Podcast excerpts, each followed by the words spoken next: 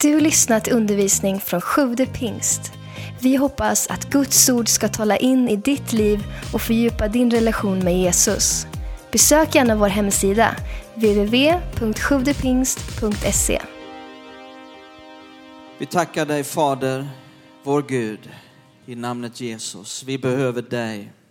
Jag behöver dig, var och en av oss behöver dig. Vi är så svaga och otillräckliga i oss själva. Vi behöver möta dig just nu. Du är vår far. Och vi tackar dig för din kärlek, för din nåd. Vi ber att vi var och en ska få möta dig, höra från dig just nu. Vi har kommit den här söndagen för att, för att vi vill se dig, vi vill höra dig, vi vill förnimma i våra hjärtan att vi ser dig. Möt med varje människa. Åh, Fader, du är det viktiga. Jesus, vi vill att ditt namn ska bli förhärligat, bli stort. Att allt vad människa heter här får förblekna och att du får bli stor, att du får bli sedd, att du får bli trodd. Verka genom din heligande, tala till oss. Vi öppnar våra hjärtan. Jag ber att du talar till var och en, långt utöver vad jag säger från den här talarstolen. Låt det vara en uppenbarelsens ande över oss alla.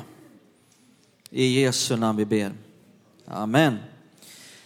Andra Samuelsboken 1 och 23.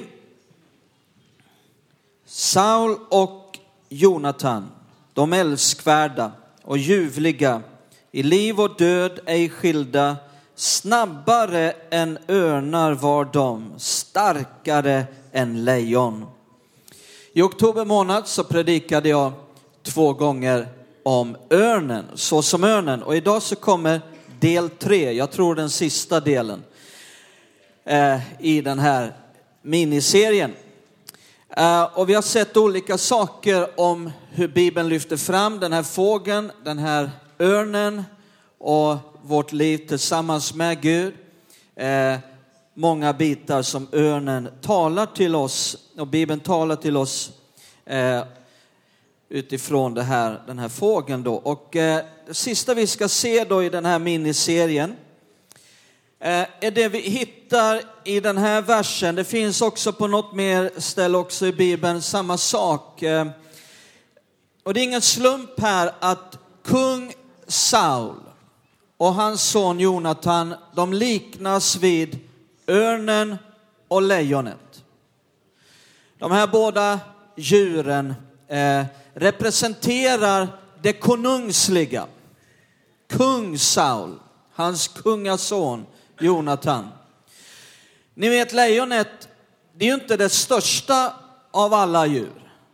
Men det kallas för djurens konung. Eller hur? Örnen, inte det största av alla fåglar, men kallas för fåglarnas konung. Eh, och redan på den här tiden, för 3000 år sedan, med kung Saul och Jonatan, så användes örnen för att symbolisera konungavälde, härskarmakt. Vi kan slänga upp den första bilden redan här. Och genom hela världshistorien sen så har örnen fått eh, symbolisera just detta med konungavälde, kungamakt. Eh, många folkslag, många olika slags riken genom hela världshistorien. Allt ifrån det romerska riket för 2000 år sedan till, till dagens USA. Och här har vi eh, hur örnen är symbol för, för USA. Och anledningen till att örnen får stå som symbol för kungamakt är helt enkelt att det är en majestätisk fågel.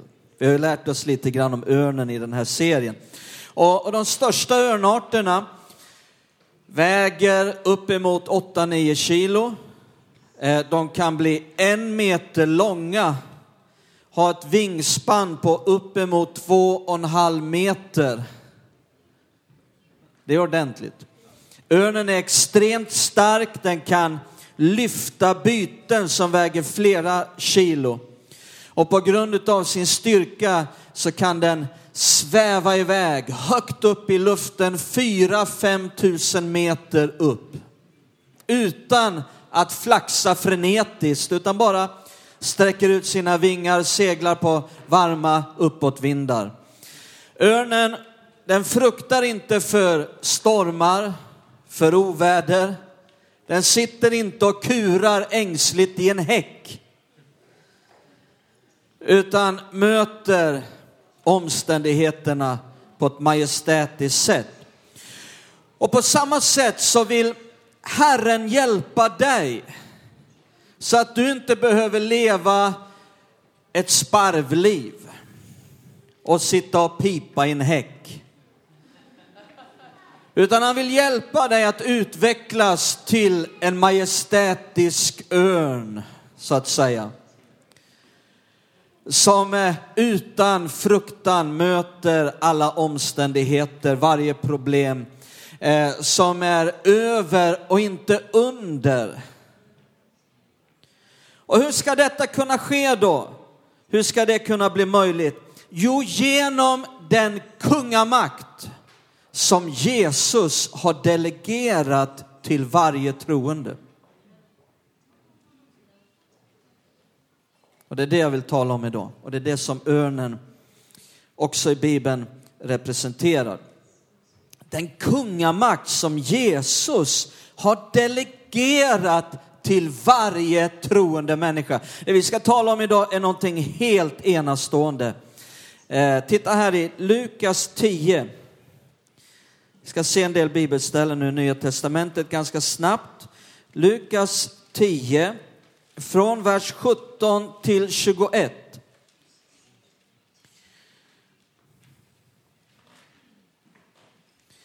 De 70, det fanns 70 lärjungar.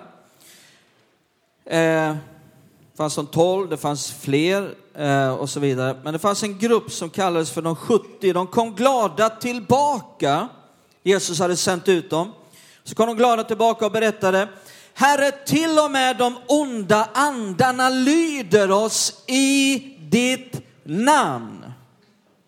Han sa till dem, jag såg Satan falla ner från himlen som en blixt. Grabbar, ni tycker det är stort, att de onda andarna lyder er. Jag var med när det verkligen begav sig.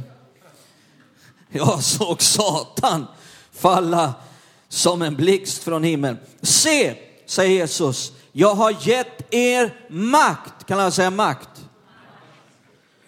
Att trampa, inte som jag bad felaktigt en gång, på skorpor och ormioner. Utan trampa på ormar och skorpioner och att stå emot fiendens halva välde. Nej, hela välde. Ingenting, kan alla säga ingenting? Ingenting skall någonsin skada er. Wow. Men gläd er inte så mycket över att andarna lyder er som över att era namn är skrivna i himlen. I samma stund jublade Jesus i den helige ande och sa, jag prisar dig Fader, du himlens och jordens Herre, för att du har dolt detta för de visa och kloka, men uppenbarat det för de olärda och små. Ja, Fader, detta var din goda vilja. De 70 kom glada tillbaka över att de onda andarna löd dem. Och vad sa Jesus att de inte fick vara glada för det? Nej, Eh, han sa att det ni allra mest ska vara glada över det är att era namn är skrivna i himlen. Men de fick också vara glada för den auktoritet de hade upptäckt. Och sen så jublar Jesus i den helige ande över att de hade förstått sin auktoritet. Vill vi orsaka Jesus glädje idag? Då kan vi göra det genom att visa att vi har förstått den auktoritet han har gett till oss. Och hur skedde det? Jo, genom att Fadern hade uppenbarat det. Han sa, du har uppenbarat det för dem. De har inte kommit på det här själva. Du har uppenbarat det för dem. Titta nu Matteus 28. Matteus 28, vers 18. Då trädde Jesus fram och talade till dem och sa, jag har fått all makt i himlen och på jorden. Gå därför ut och gör alla folk till lärjungar, döp dem i Faderns och Sonens och den helige Andes namn. Eh, när Jesus ger befallningen att gå ut i hela världen eh, så gör han det genom att först berätta, jag har fått all, vadå? Makt i himlen och på jorden. Därför kan ni gå ut. Så Jesus han säger, jag har fått all makt. Men sen i samma stund så delegerar han den till varje troende människa. Det vill säga, den auktoritet vi har som troende i hans namn är en delegerad makt. Ingen av oss kan säga, jag har makten. Nej, det är Jesus som har makten. Men han har delegerat den makten till dig som tror. Och du har fått en rätt av honom att utöva hans makt i hans namn. Är inte det fantastiskt? Låt oss nu se i Markus evangelium eh, hans beskrivning av samma dag, samma händelse som vi nu läste om. I Markus 16, vers 15 till 18. Han sa till dem, gå ut i hela världen och predika evangelium för hela skapelsen. Den som tror och blir döpt skall bli frälst, men den som inte tror ska bli fördömd. Tecken ska följa dem som tror detta. I mitt namn ska de driva ut onda andar. De ska tala med nya tungor. De ska ta ormar i händerna. Om de dricker något dödligt gift ska det inte skada dem. Det vill säga här handlar om ett övernaturligt beskydd. Inte att vi ska hantera ormar i gudstjänsten. De ska lägga händerna på de sjuka och de ska bli friska. Om vi nu lägger ihop Matteus evangelium och det vi läser här i Markus evangelium, för det är samma händelse, samma plats, samma stund, då får vi följande, att Jesus säger, jag har fått all makt i himlen och på jorden, därför kan ni gå ut, och han delegerar den till oss, och så säger han, de som tror ska driva ut onda andar i mitt namn. Det vill säga utöva en delegerad auktoritet. I hans namn utöva auktoriteten. Titta Johannes 14 så lär vi oss ytterligare. Johannes 14, vers 12 till 14. Johannes 14, 12 till 14. Amen, amen säger er. den som tror på mig skall utföra de gärningar som jag gör. Och större än dessa skall han göra, ty jag går till Fadern. Wow, hörde du vad Jesus sa där? Vi ska göra samma gärningar som han gjorde i evangelierna. Och större. Jag har inte tid att gå in på det nu, men det här är ju helt, helt enastående. Eh, hur ska det gå till då? Jo, det står, vad ni än ber om i mitt namn skall jag göra. Ser ni, här kommer det ordet göra igen. Samma gärningar som jag gör skall ni göra. Vad ni ber om i mitt namn skall jag göra för att Fadern ska bli förhärligad i Sonen. Om ni ber om något i mitt namn skall jag vad då? Göra det.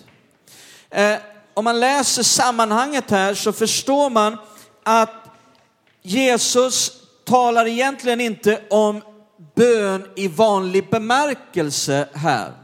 Det grekiska ordet för bön här kan lika gärna översättas med begära eller befalla.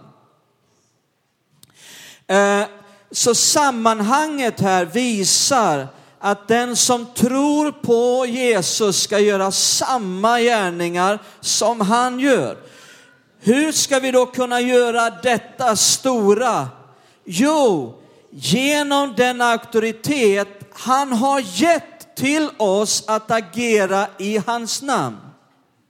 Så när vi i hans namn agerar, begär, befaller, då gör han det. Så det är egentligen inte vi som gör hans gärningar, det är fortfarande han som gör det.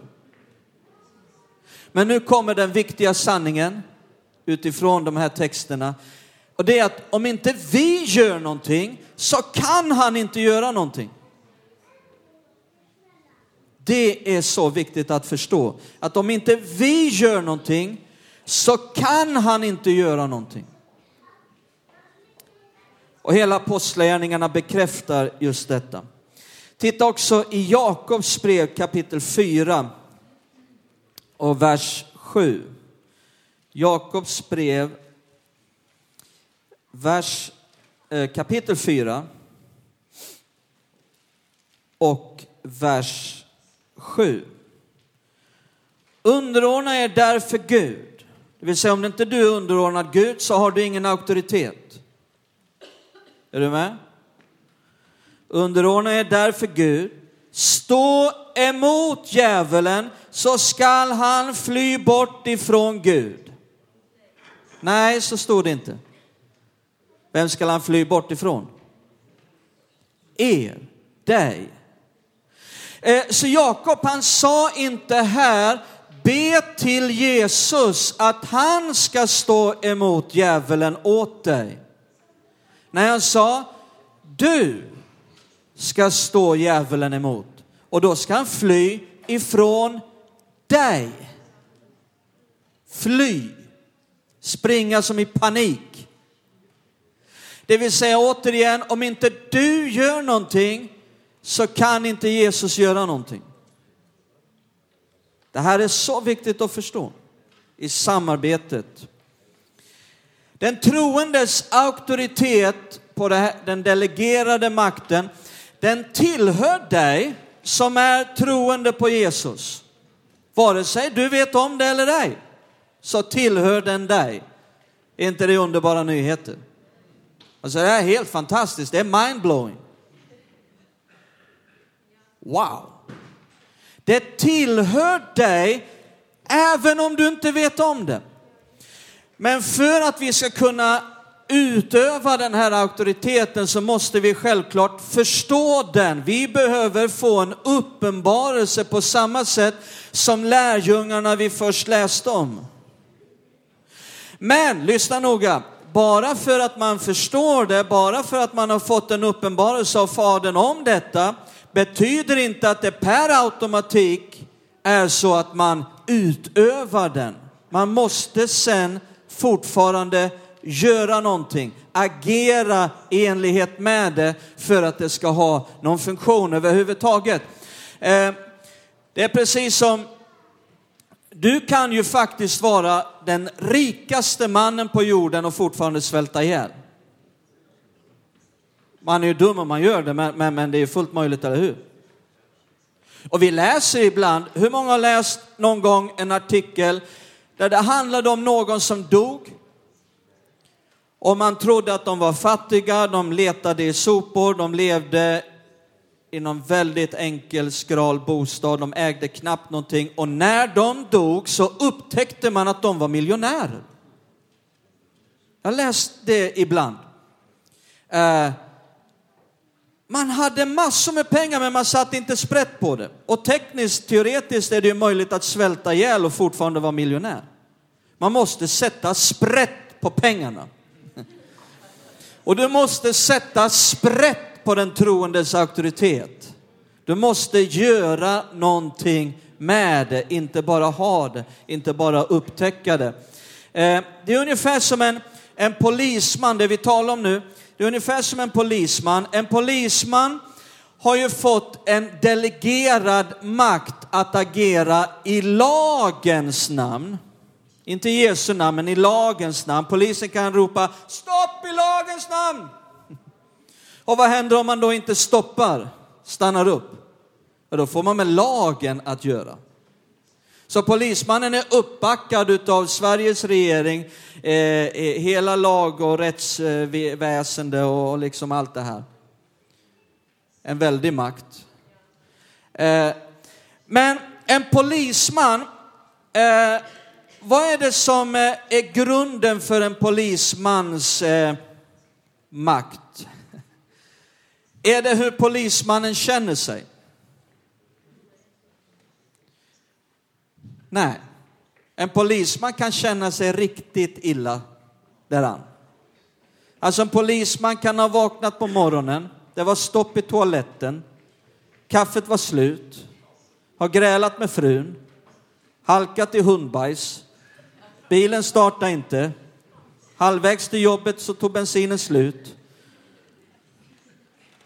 Och liksom kommer där, får på sig uniformen, ska ut i någon trafikkorsning där trafikhusen fungerar inte längre och ska dirigera trafik, trafik och bara känner det här är en kastdag. Jag inte vara här. Usch, vad jag känner mig... Det är hemskt alltså. Så kommer en långtradare, så gör polisen så här. Vad händer? Långtradaren stannar. Det har ingenting att göra med hur polismannen känner sig. Alldeles för många kristna ofta frågar sig hur man känner sig. det var någon som frågade Smith Wigglesworth, den, den store pingstpionjären som uppväckte mellan 20 och 30 döda och hade väckelse på alla jordens kontinenter. Har ni läst om Smith Wigglesworth någon gång? Han dog 48, 1948 vid hög ålder. En av de största gudsmänniskorna på 1900-talet. Det var någon som frågade eh, Smith, hur mår du? Han sa, jag frågar inte mig själv hur jag mår. Jag talar om för mig själv hur jag mår. Han var helt brutal. Det, sitter det har ingenting med våra känslor att göra. Det har ju inte, polismannens delege, eh, makt har ju inte heller att göra med hur stark han är. Han stoppar ju inte långtradaren med ren fysisk kraft. Oh! Nej, det har ingenting med hans kraft att göra.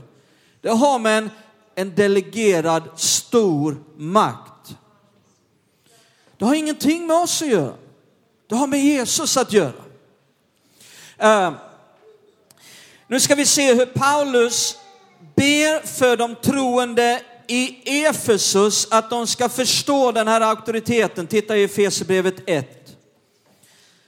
Och där ska vi få reda på vad som är själva grunden för den troendes auktoritet. Efesierbrevet 1.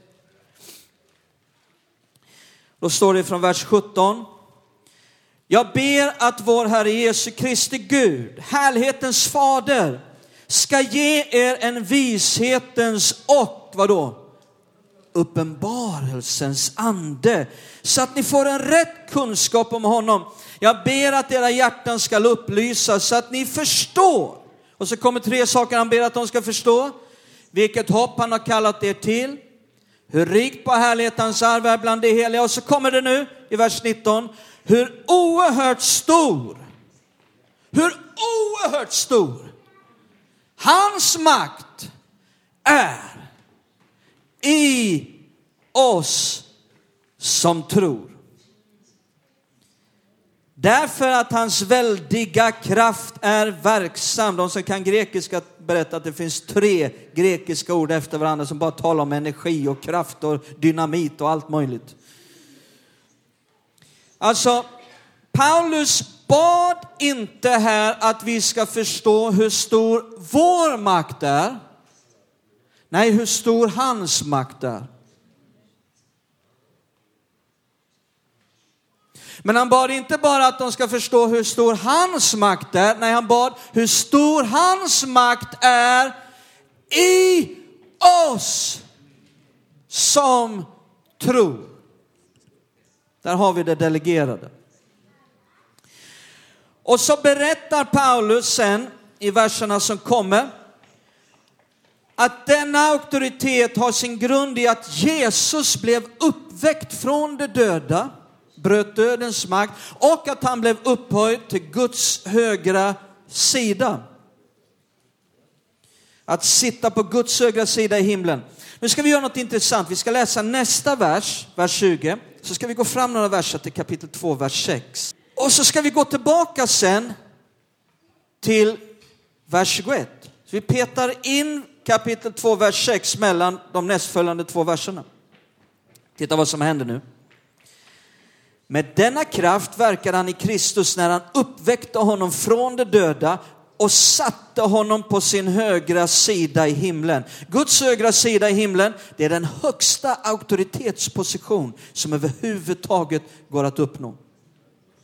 Där sitter Jesus. Vad säger han i den här versen nu? Två saker.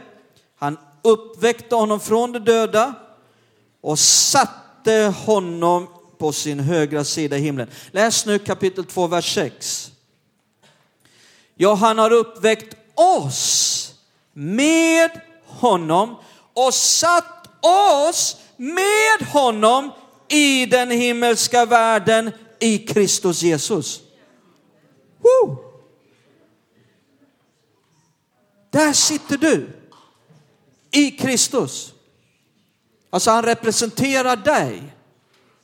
I Guds sinne är det som att du sitter där. Nu läser vi nästa vers i kapitel 1. Över, kan jag säga över? Över alla furstar och väldigheter, makter och herradömen, ja, över alla namn som kan nämnas, inte bara i denna tidsålder utan också i den, i den kommande. Där sitter du. Över alla andevärldens andemakter och över allt som kan nämnas och namnas. Alltså vad Paulus säger här, Jesus sitter på den högsta auktoritetspositionen som går att uppnå Guds högra sida och där sitter också du i honom över alla andemakter och över allt som kan nämnas. Inte nog med detta nu, så förklarar Paulus att i nästkommande verser att allt har blivit lagt under Jesu fötter och så kommer han att förklara att vi är hans kropp. Titta nu ska du få se.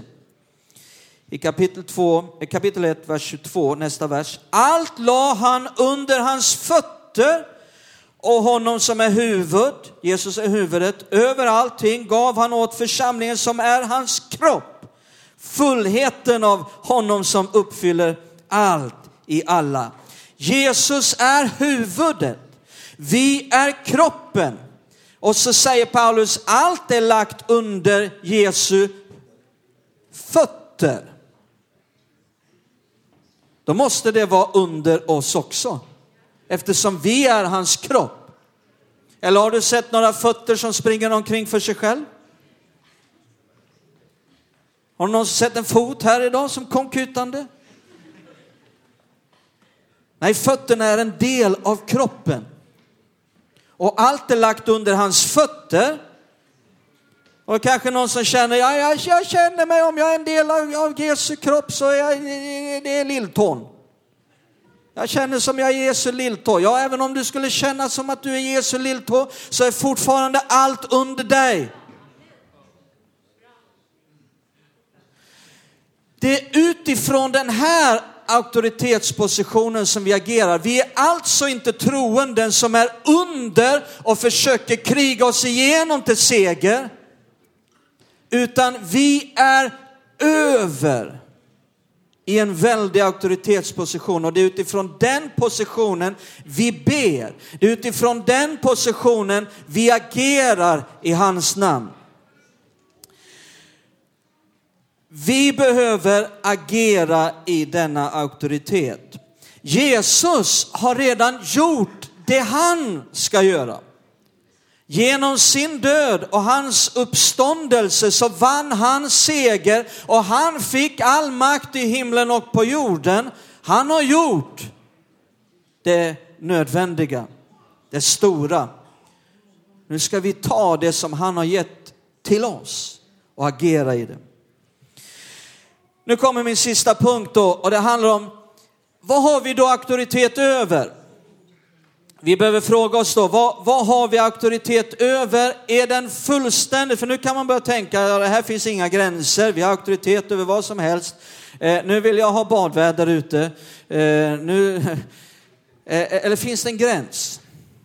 Finns det en gräns för vår auktoritet som troende? Eh, Svaret ligger i att helt enkelt bara se på Jesus. Jesus sa ni ska göra samma gärningar som jag gör och större än dessa. Vi behöver se på vad, vad var det Jesus tog auktoritet över i evangelierna. Det är det vi ska göra. Är ni med? Då är vi inom gränserna. Det finns nämligen gränser också för för den här auktoriteten. Vi kan läsa ett bibelställe, är Matteus 10. Matteus 10, vers 1.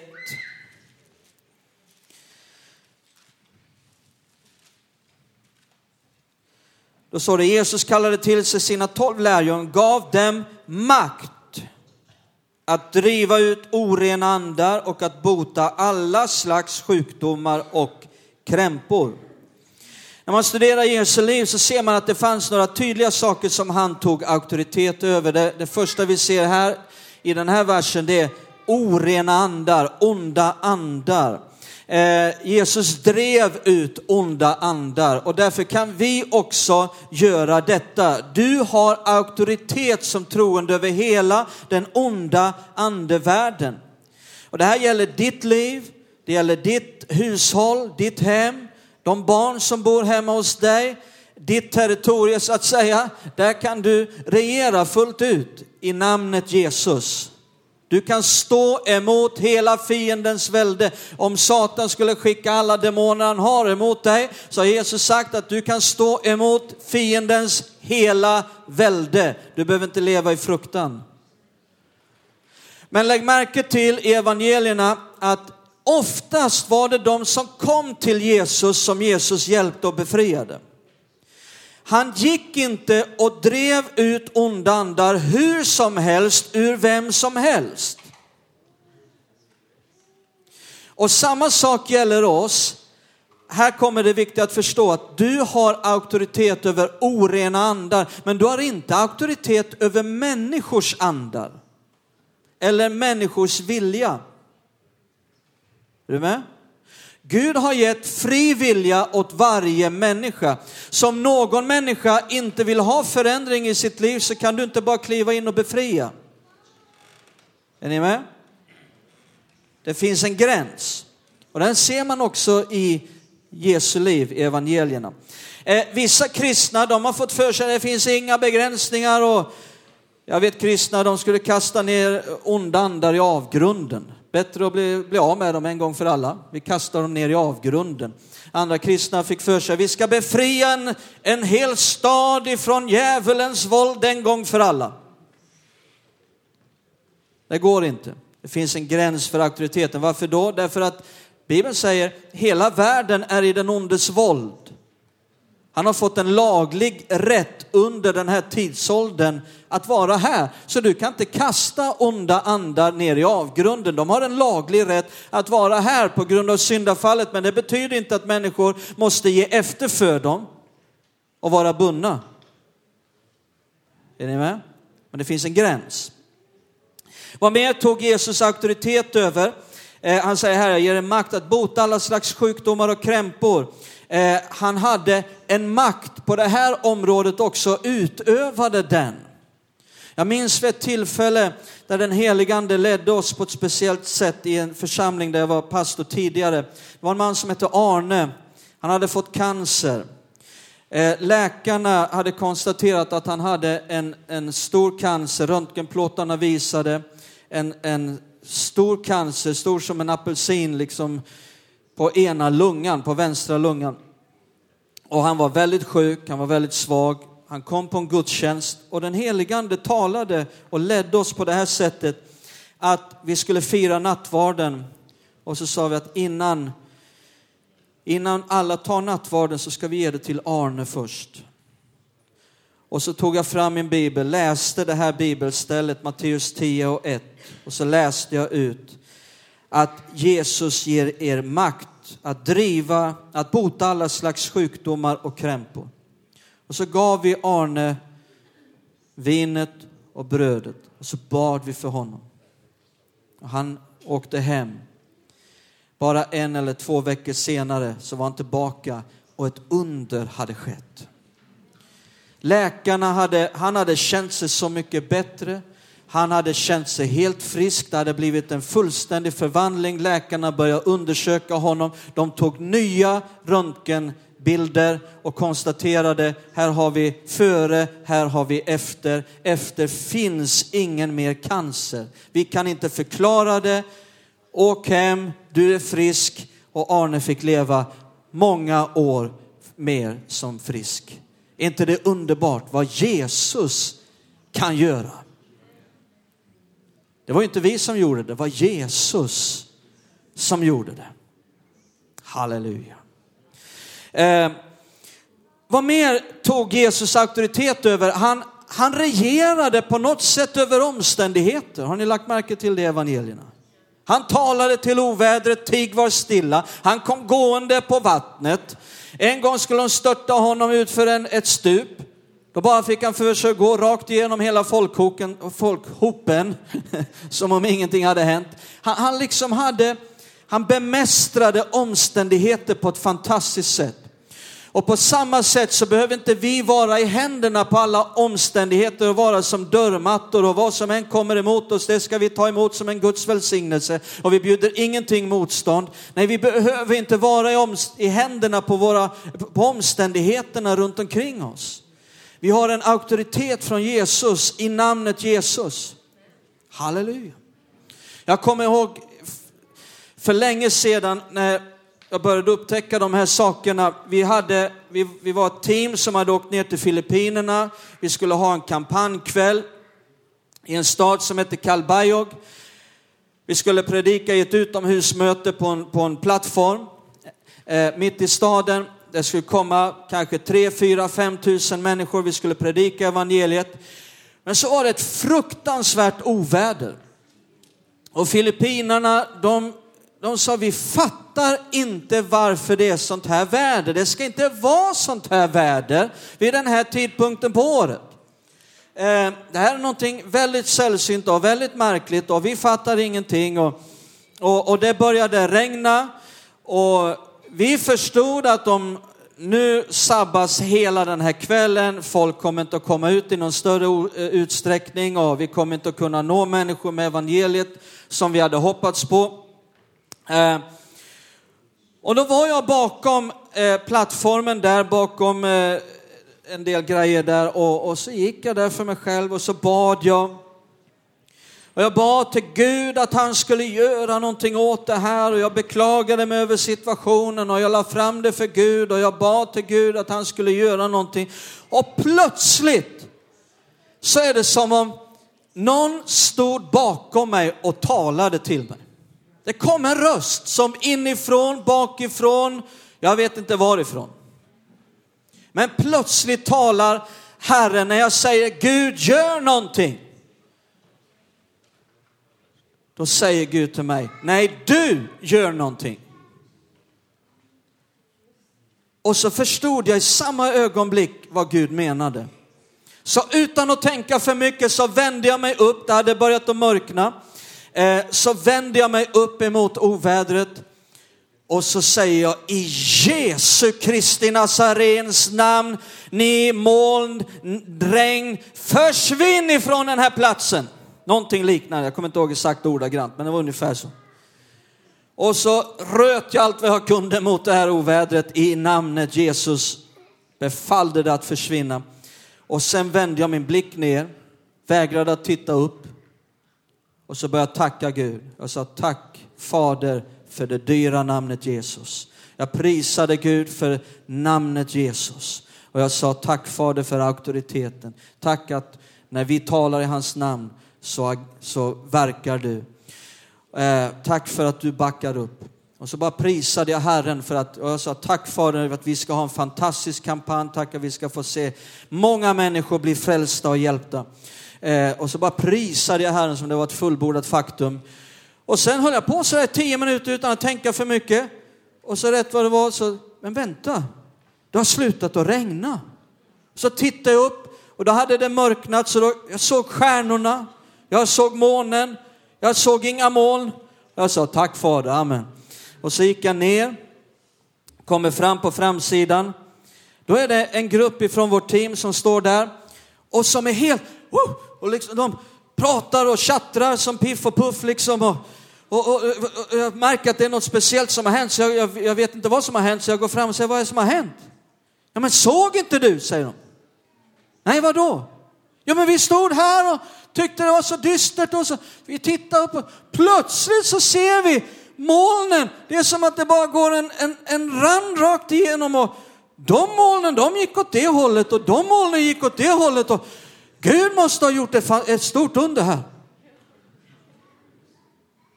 Vad sa jag då? Jag inte, är inte jag den store hjälten här? Ni vet grabbar. Jag var där bak. Nej, vi är ingenting i oss själva. Vi är så beroende, vi är så svaga utan honom. Jag sa amen, tack Jesus, han har hjälpt oss ikväll. Och så hade vi en fantastisk kampanj ikväll. Vi fick se eh, väldigt mycket folk bli frälsta och hjälpta på många sätt. Sen gick det flera år. Nu säger inte jag att du kan rusa hem och, och styra över vädret hur som helst. hur du tycker att det ska vara. Eh, men det gick några år, en hel del år, eh, ja några år, kanske sex, sju år någonting. Sen var vi, hade jag med mig ett team till Estland. Vi åkte upp till en plats som heter Jöfi i närheten av den ryska gränsen.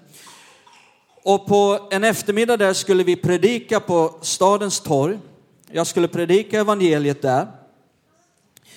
Eh, och vi hoppades att det skulle samlas mycket folk. Men så var det sånt där regn, ni vet, när man tror att det är vinter mitt i sommaren. Det var kallt, det var grått, man kunde inte ens se några molnformationer. Det var totalt igengrått. Eh, och så var det det här dagsregnet, ni vet, som bara håller på. Timme ut och timme in. Bara, hela tiden liksom, det är sånt här smått dagsregn. Och kallt och hemskt och grått. Eh, och vi förstod, ingen kommer ju komma ut på det här torget. Jag gick in och satte mig i bak på en liten sån här skåpbil där vi hade ljudutrustning och grejer och stängde in mig. Jag tänkte jag måste komma undan, jag måste be. Och så bad jag att Gud skulle göra någonting åt det här. och så började jag tänka för mig själv, men vänta här.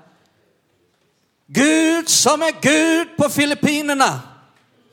Han är Gud i Estland. Han kan göra samma sak för han förändras inte. Alltså, vänta ett tag, samma under kan ske här. Och så bad jag till Gud, jag sa Gud, minns du? Ungefär sådär, kommer inte ihåg exakt vad jag bad. Men jag gjorde samma sak. I bak på den där skåpbilen så vände jag mig mot det där oros, eller mot det där gråa vädret och talade i Jesu namn. Befallde det att klarna upp och det här vädret att bara ge vika. Och sen var jag kvar i tio minuter. Jag tänkte det funkar bra sist, jag gör samma sak. Nu bara tackar jag Gud att det är ett fullbordat faktum. Tack för namnet Jesus. Tack Gud för vad du gör. Tack att vi ska få be med människor till frälsning idag. Sen kliver jag ut ur skåpbilen och så ser jag hur det har öppnats någonting mitt på himlen. Jag ser en knallblå himmel och sen ser jag Gud är mitt vittne och andra som var med på resan, hur molnen vek åt alla väderstreck så att inom loppet av tio minuter så det som var kvar var en molncirkel som man kunde ana i horisonten runt omkring hela Göfi. Men över hela Göfi var det knallblå himmel, solen lös, värmen kom, fåglarna började kvittra och folk stannade på torget. Och så började vi predika evangelium. Jag glömmer aldrig den här mannen som kämpade med, med missbruk och alkohol. Som Gud älskar. Han hade svårt att höra. Så han la sig så här nära en jättestor högtalare för han skulle höra bra när jag predikade. Där låg han och lyssnade. Och med tårar i ögonen sen så tog han emot Jesus och blev frälst. Halleluja. Kanske att Jesus gjorde det bara för honom. Amen. Tack för att du lyssnat. Glöm inte att du alltid är välkommen till vår kyrka. Du hittar mer info på www.sjuvdepingst.se